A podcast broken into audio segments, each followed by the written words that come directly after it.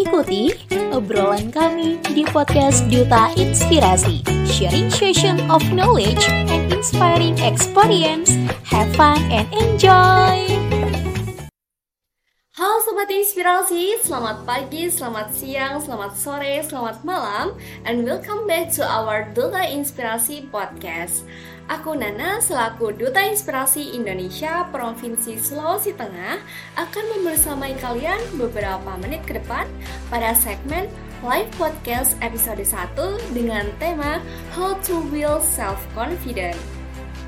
Oke, sobat inspirasi semua, pada kesempatan kali ini Nana bakal berbincang seru dan asik pastinya bareng sobat inspirasi. Tentunya, Nana bakal menjawab pertanyaan dari Sobat Inspirasi melalui gift form yang telah kami kirimkan oleh Duta Inspirasi Podcast. Tanpa berlama-lama, langsung saja nih, apa aja pertanyaan dari Sobat Inspirasi semuanya? Nana di sini akan membacakan pertanyaan pertama dari Kak Marta Angela. Pertanyaan pertama yaitu bagaimana cara meningkatkan skill public speaking agar bisa meningkatkan kepercayaan diri di depan banyak orang. Salam hangat untuk teman-teman DIP dan fasil DIP yang super kece-kece. Semangat TDMPR. Baik, terima kasih Kak Marta atas pertanyaan yang keren banget pastinya. Di sini Nana akan menjawab di sudut pandang Nana. Baik, untuk tips yang pertama yaitu ketika kita ingin menyampaikan materi atau sebuah hal di depan kalayak ramai, tentunya hal yang harus kita perhatikan yaitu menguasai materi. Ketika kita sudah menguasai materi yang ingin kita sampaikan, maka pembawaan kita di depan banyak orang akan jauh lebih tenang karena kita sudah menguasai materi tersebut. Untuk tips yang berikutnya, uh, bisa dengan cara memperbanyak latihan nih Kak Marta. Jadi ketika kita misal di kamar bisa latihan di depan cermin, jadi kita bisa tahu bagaimana gestur tubuh kita, cara pelafalan kita, dan intonasi pembicaraan kita. Jadi ketika kita menyampaikan di depan kalayak ramai itu tidak uh, canggung atau gugup seperti itu Kak Marta. Untuk tips dari Nana yang ketiga, mungkin kita bisa menggunakan postur atau gerak tubuh seperti gestur tangan. Ketika kita sedang gugup, tangan sangatlah membantu Marta untuk menjelaskan dan mendeskripsikan apa yang ingin kita sampaikan. Dan untuk tips yang keempat, mungkin kita bisa melatih berbicara atau vokal dengan nada, nada dan intonasi. Karena ketika tempo kita terlalu cepat, vokal kita terlalu cepat, namun pembacaan kita kurang jelas, maka akan mempengaruhi materi yang ingin kita sampaikan kepada audiens. Dengan vokal yang padat, singkat, dan jelas, serta suara yang pas, maka akan membantu kita untuk mempermudah audiens mendengarkan kita sehingga tidak terjadi pengulangan dan audiens lebih paham akan materi yang ingin kita sampaikan. Oke lanjut pertanyaan yang kedua ada dari Kak Fatia. Halo tim Duta Inspirasi, aku penasaran tentang gimana efek atau seberapa pengaruh penampilan atau makeup dan lain sebagainya dalam menambah kepercayaan diri seseorang. Selain itu, aku juga mau request buat bahas tips atau gimana sih cara untuk mempertahankan rasa percaya diri ketika kita punya oversensitivity dengan tatapan atau gestur orang lain yang tampak kurang bersahabat, terlihat mengintimidasi dan penuh judgement terutama ketika kita sedang berada di suatu forum atau ketika berbicara di depan umum. Terima kasih. Baik Kak Fatia, ini keren banget sih pertanyaannya karena benar-benar relate sama kehidupan sehari-hari kita ya. Ini di sini Nana izin menjawab gimana sih uh, pengaruh penampilan gitu. Menurut Nana penampilan itu sangatlah berpengaruh bagi kehidupan sehari-hari. Kalau ditanya kenapa, so pasti karena di lingkungan sosial kita nih ya, ketika kita berpenampilan rapi dan sopan, selain menambah kepercayaan diri, kita juga merasa enak untuk dipandang orang lain seperti itu kak. Contohnya ketika kita pergi ke kampus, ke tempat kerja atau ke sekolah, so pasti dalam lingkungan sosial itu mewajibkan kita untuk berpenampilan rapi. Selain itu, mungkin ada dampak sosial yang bakal kita dapatkan seperti ketika kita berpenampilan kurang sopan dan tidak sesuai dengan peraturan yang ada, maka kita tidak akan bisa mengikuti materi atau kelas dan banyak juga orang yang kurang nyaman ketika memandang kita juga berpenampilan seperti itu tadi. Nah, untuk make up sendiri itu bagi kaum hawa menurut Nana itu sangat membantu bagaimana kita mengekspresikan diri pada saat itu gitu kak. Kalau misalnya ya memang kita diciptakan oleh Tuhan dengan bentuk yang paling terbaik, namun tetap aja pasti kita punya uh, kekurangan atau ingin menutupi ketidaksempurnaan yang kita miliki. Dan menurut Nana dengan bermakeup itu tuh menambah kepercayaan diri gitu kak terutama ketika kita memiliki suatu momen atau event-event tertentu yang di mana kita harus mengabadikan momen tersebut, mereka perutana sangatlah membantu kita untuk mengekspresikan diri seperti itu Kak Fatia. Dan untuk pertanyaan yang kedua terkait bagaimana cara menanggapi oversensitivity ketika berada di ayak ramai, menurut Nana caranya adalah dengan kita tidak menatap uh, audiens secara langsung atau tidak eye contact secara langsung. Karena uh, menurut Nana eye contact itu terkadang kalau misalnya kita tidak percaya diri akan membuat pikiran kita blank terhadap materi yang ingin kita sampaikan. Namun bukan berarti kita tidak menatap audiens yang ada Nah, tips dari Nana mungkin kita bisa melihat sisi lain. Misalkan nih Kak, uh, kita bisa melihat kening audiens. Jadi ketika kita melihat kening audiens, nantinya seolah-olah kita akan menatap audiens padahal yang kita tatap kening audiens bukan mata audiens seperti itu kan uh, selain itu menurut Nana juga tips lain bisa menatap sudut di mana yang kira-kira memberikan positive vibes pada kita. Misalnya audiens yang jad, apa ya pandangannya kurang enak tadi berada di sebelah kiri. Nah mungkin kita akan berusaha untuk banyak menatap di area sebelah kanan gitu. Karena ketika kita banyak berinteraksi pada audiens yang memberikan dampak negatif atau aura yang negatif tersebut, bakal berpengaruh kepada materi yang ingin kita sampaikan. Ketika kita menatap audiens yang positif vibes terus menyimak materi kita dan memberikan kita percaya diri yang lebih maka itu akan membantu kita. Seperti itu Kak Fatia untuk jawaban dari pertanyaan Kak Fatia. Selanjutnya adalah pertanyaan ketiga yaitu dari Kak Dewi. Jadi sobat inspirasi semuanya, Kak Dewi di sini ingin bertanya nih. Seringkali kita lebih memikirkan pandangan orang lain tentang kita sehingga kita berbuat sesuatu di luar keinginan kita. Gimana sih cara biar kita lebih bisa percaya diri dengan apa yang kita perbuat tanpa harus mempedulikan pandangan orang lain terhadap kita? Baik, terima kasih Kak Dewi atas pertanyaannya yang sangat-sangat relate juga ya bagi kita sehari-hari. Kadang kita tuh bisa plan plan sama diri kita karena adanya lain gitu ya.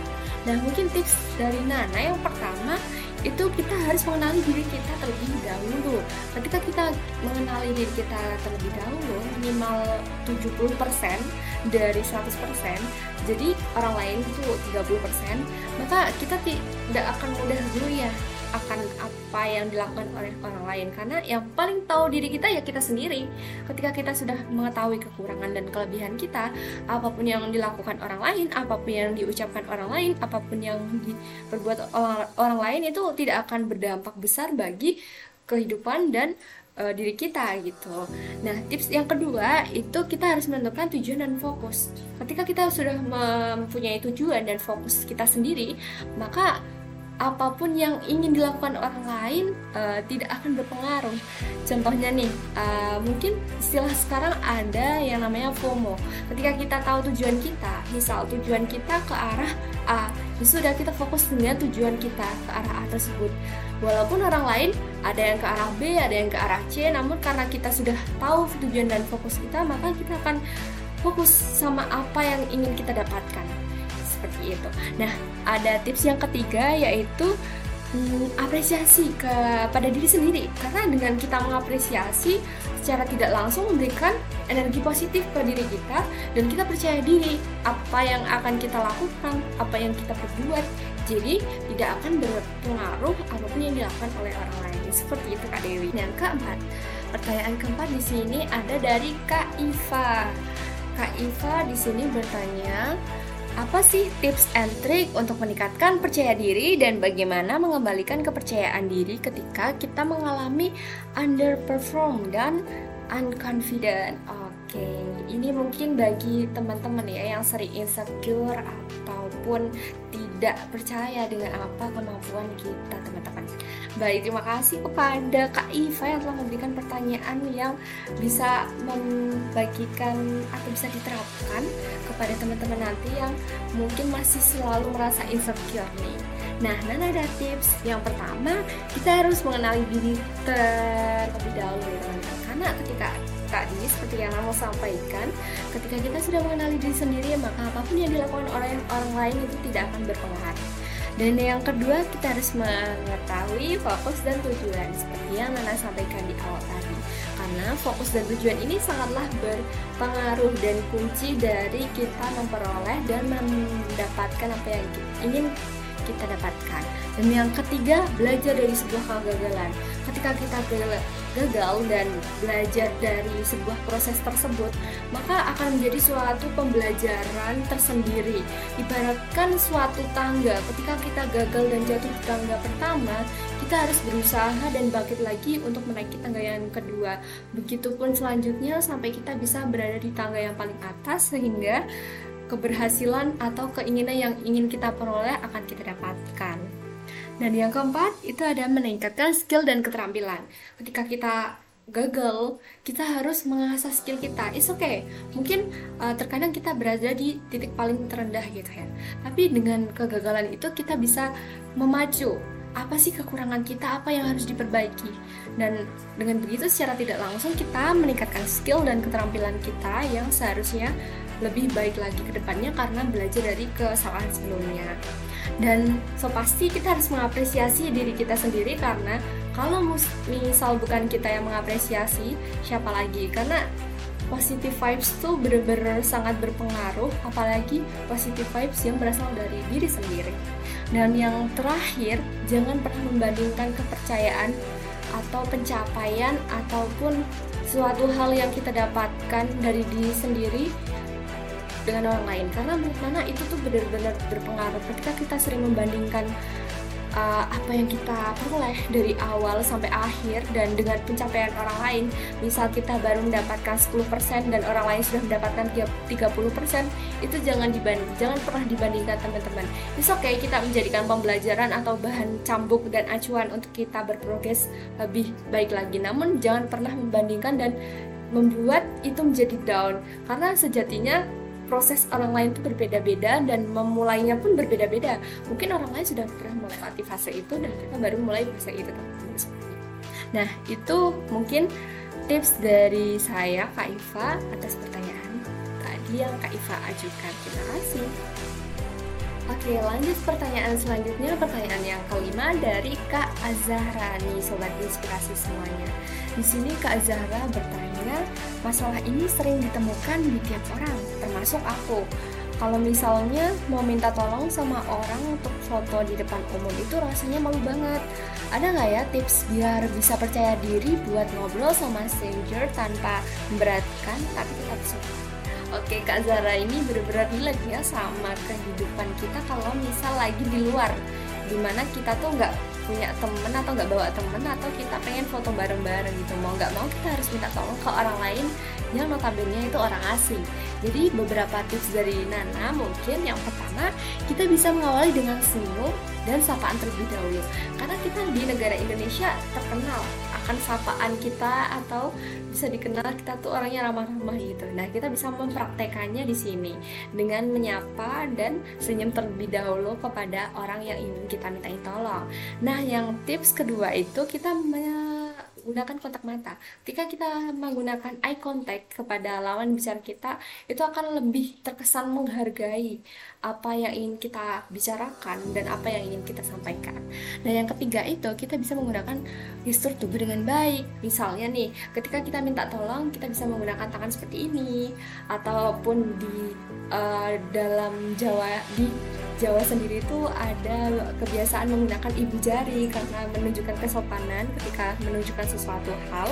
Dan yang keempat tipsnya kita bisa menggunakan kata maaf karena kita sudah mengganggu atau meminta waktu beliau sebagai tanda terima kasih. Jadi kita bisa menggunakan maaf apakah uh, bisa mengganggu waktunya sebentar untuk meminta dan lain sebagainya seperti itu. Nah, yang tips yang selanjutnya tuh kita menanyakan apakah beliau ini sibuk atau tidak. Jangan sampai ketika kita meminta tolong kepada seseorang kita tidak tahu apakah orang tersebut sedang berburu-buru atau sedang uh, sibuk atau sedang ada kerjaan atau mungkin ada hal-hal yang kita tidak tahu seperti itu. Jadi kata maaf dan tolong itu merupakan hal yang wajib banget ketika kita ingin meminta kepada orang yang tidak dikenal. Dan tips yang selanjutnya kita jangan lupa menjelaskan dengan bahasa yang singkat, jelas, padat dan tidak terbata-bata gitu. Kalau misal kita menjelaskan dengan bahasa yang bertele-tele maka akan memakan waktu yang cukup lama gitu.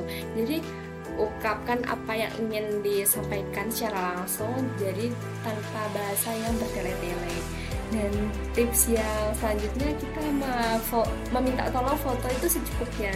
Jadi jangan sampai uh, nanti orangnya mau dimintain tolong terus kita foto seenaknya tanpa memperhatikan beliau juga ada kegiatan lain seperti itu. Dan yang terakhir jangan lupa mengucapkan terima kasih Di sini mungkin Nana akan mengasih contoh nih, misal kita ketemu orang asing dan kita ingin meminta tolong, kita menyam, uh, kita bisa mendatangi orang tersebut dan meminta tolong. Maaf, uh, apakah bisa mengganggu waktunya sebentar? Karena saya dan teman saya sedang ingin menangkap foto, namun kami kesusahan karena tidak ada yang memfotokan kami. Jadi bolehkah kami uh, meminta tolong ibu, bapak, kakak, adik atau abang untuk memfotokan kami beberapa foto dan mungkin jika tidak keberatan dan tidak mengganggu waktunya. Nah, seperti itu contohnya. Nanti setelah selesai foto baru kita mengucapkan terima kasih karena sudah dibantu. Seperti itu. Terima kasih Kak Zara atas pertanyaannya. Oke, kita lanjut pertanyaan yang keenam yaitu ada dari Kak Bayu Aji. Oke, sobat inspirasi, di sini Kak Bayu bertanya gimana cara selalu menerima kegagalan yang terus-menerus terjadi dalam hidup kita sehingga buat kita kurang percaya diri.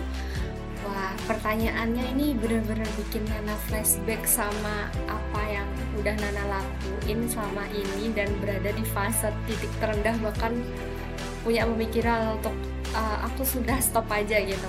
Makasih Kak Bayu buat pertanyaannya yang bagus banget. Dan di sini mungkin Nana bakal sharing tips and trick yang udah Nana lakuin. Yang pertama so pasti jangan pernah menyalahkan diri sendiri. It's okay kalau mau sekali dua kali, tapi jangan selalu dan terlalu sering menyalahkan diri sendiri. Karena ketika kita menyalahkan diri sendiri atas kegagalan yang kita peroleh, maka secara tidak langsung kita akan memberikan aura negatif ke diri kita sendiri gitu.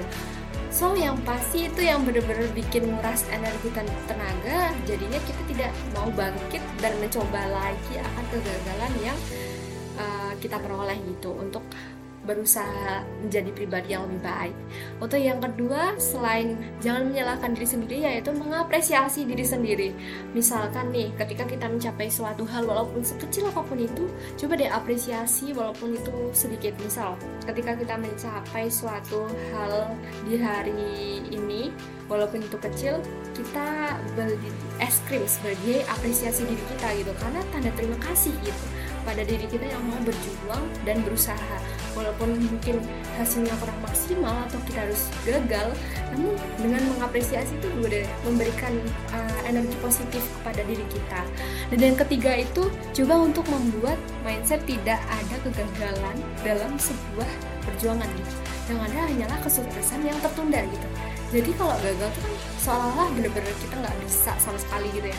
Tapi ketika kita mempunyai mindset oh ini tuh cuman sementara aja cuman ditunda aja itu akan memberikan uh, energi positif kepada diri kita. Kalau misalnya kita tuh pasti bisa gitu suatu saat nanti gitu.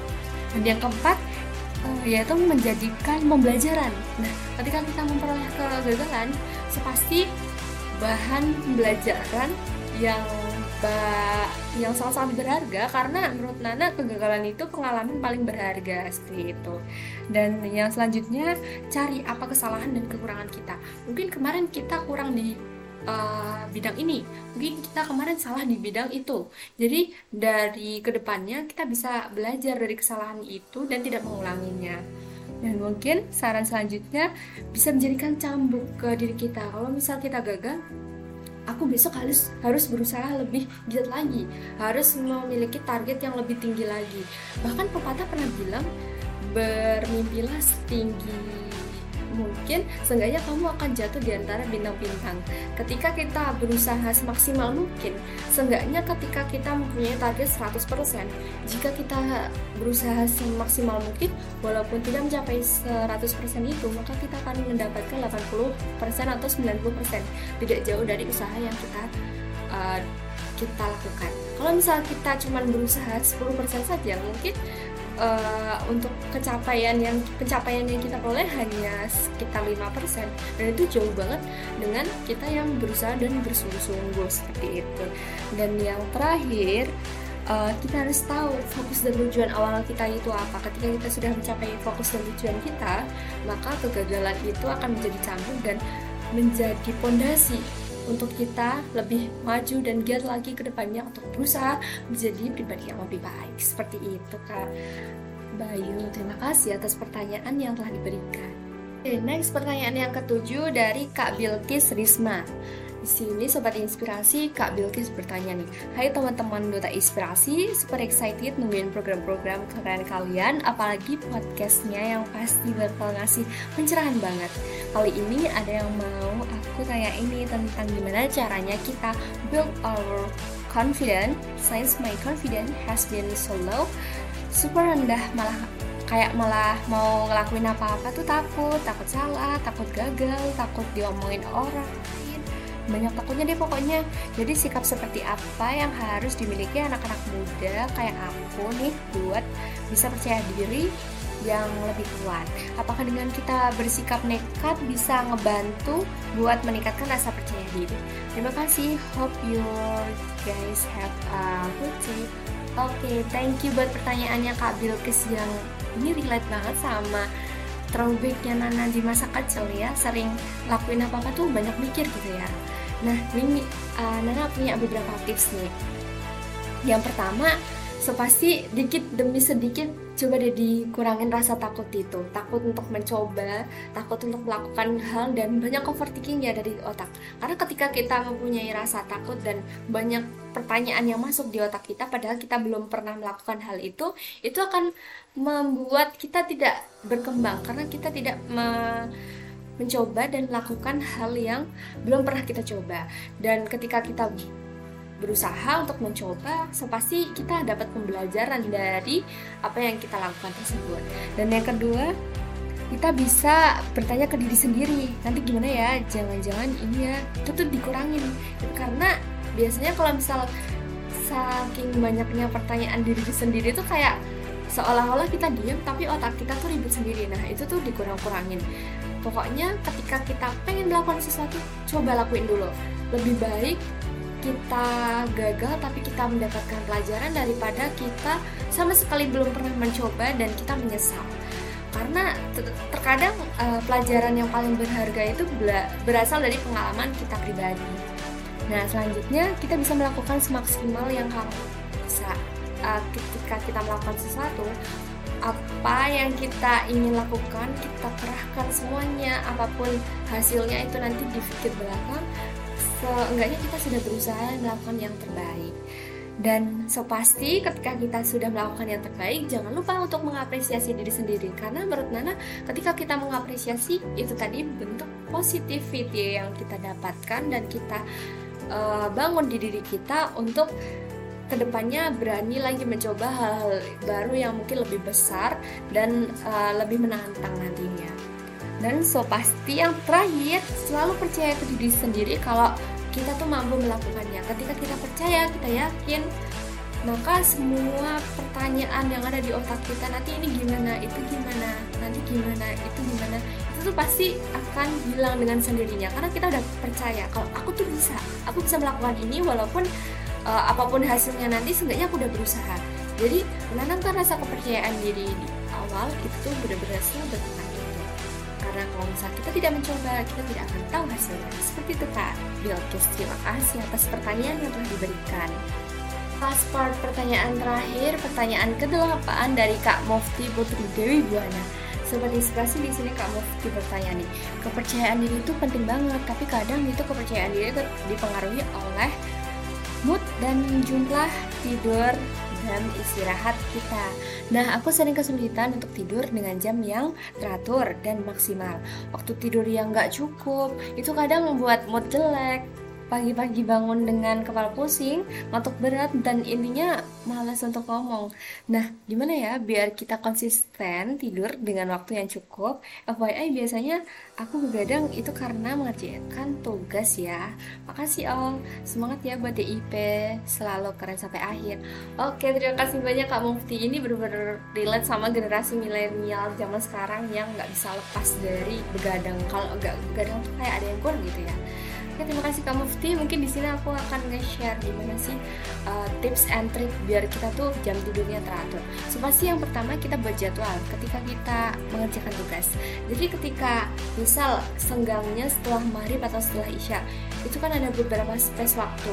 Nah, sebisa mungkin manfaatkan waktu yang sebaik-baiknya yang harusnya awalnya kita scroll sosial media, mungkin TikTok ataupun Instagram, kita langsung mengerjakan tugas kita sehingga kita mempunyai waktu yang banyak untuk melakukan uh, hal-hal yang lebih efisien dan produktif. Dan kita menentukan target nih ke Mufti. Jadi misal mau nggak mau selesai nggak selesai jam 11 harus tidur dan kebiasaan itu harus dibangun dan uh, diterapin dari diri sendiri. Jam 11 itu walaupun belum selesai kita harus tidur. Karena kalau misal tidak dipaksa dengan kebiasaan tersebut maka tetap siklus uh, tidur kita akan berantakan. Ketika jam 11 misal belum selesai, kita bisa melanjutkannya di pagi hari atau di, di dini hari jam 3 atau jam 4. Jadi kita bisa bangun sekaligus mungkin uh, bisa melakukan aktivitas persiapan sebelum kita melanjutkan aktivitas pagi hari bisa bekerja ataupun sekolah ataupun kuliah. Jadi uh, lebih efektif dan lebih efisien karena waktu-waktu tersebut tuh waktu waktu otak tuh uh, cocok untuk melakukan pekerjaan seperti itu Kak. Dan yang tips selanjutnya itu kita bisa uh,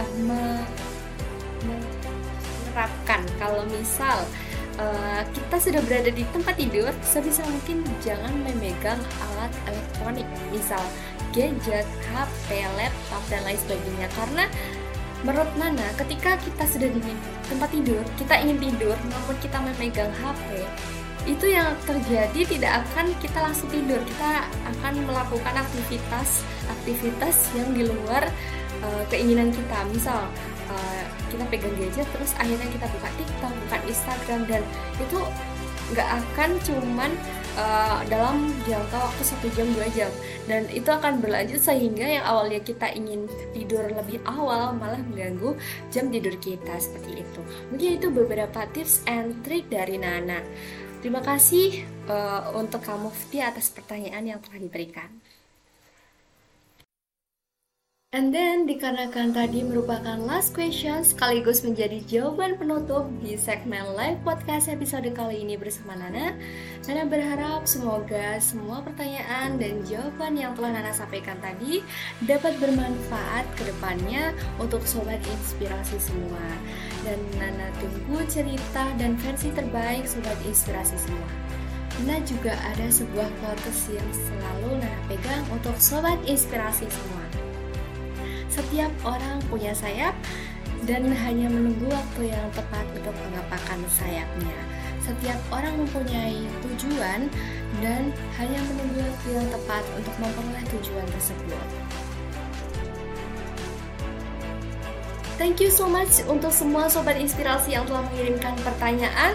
Thank you untuk semua sobat inspirasi yang sudah mendengarkan live podcast dari awal hingga akhir. Dan untuk sobat inspirasi di seluruh belahan dunia serta pendengar setiap podcast Duta Inspirasi Podcast, jangan lupa untuk selalu mendengarkan podcast kami. Karena kami akan menyajikan podcast dengan segmen, episode, dan tema serta narasumber yang seru dan menarik nanti pastinya. So, aku Nana pamit undur diri. Nana tutup dengan sebuah pantun. Pergi ke Sulawesi naik kereta api, sudahlah jauh mana sendiri. See you next time Sobat Inspirasi di segmen podcast yang gak kalah serunya nanti. Duta Inspirasi Podcast bergerak terinspirasi, berdampak menginspirasi.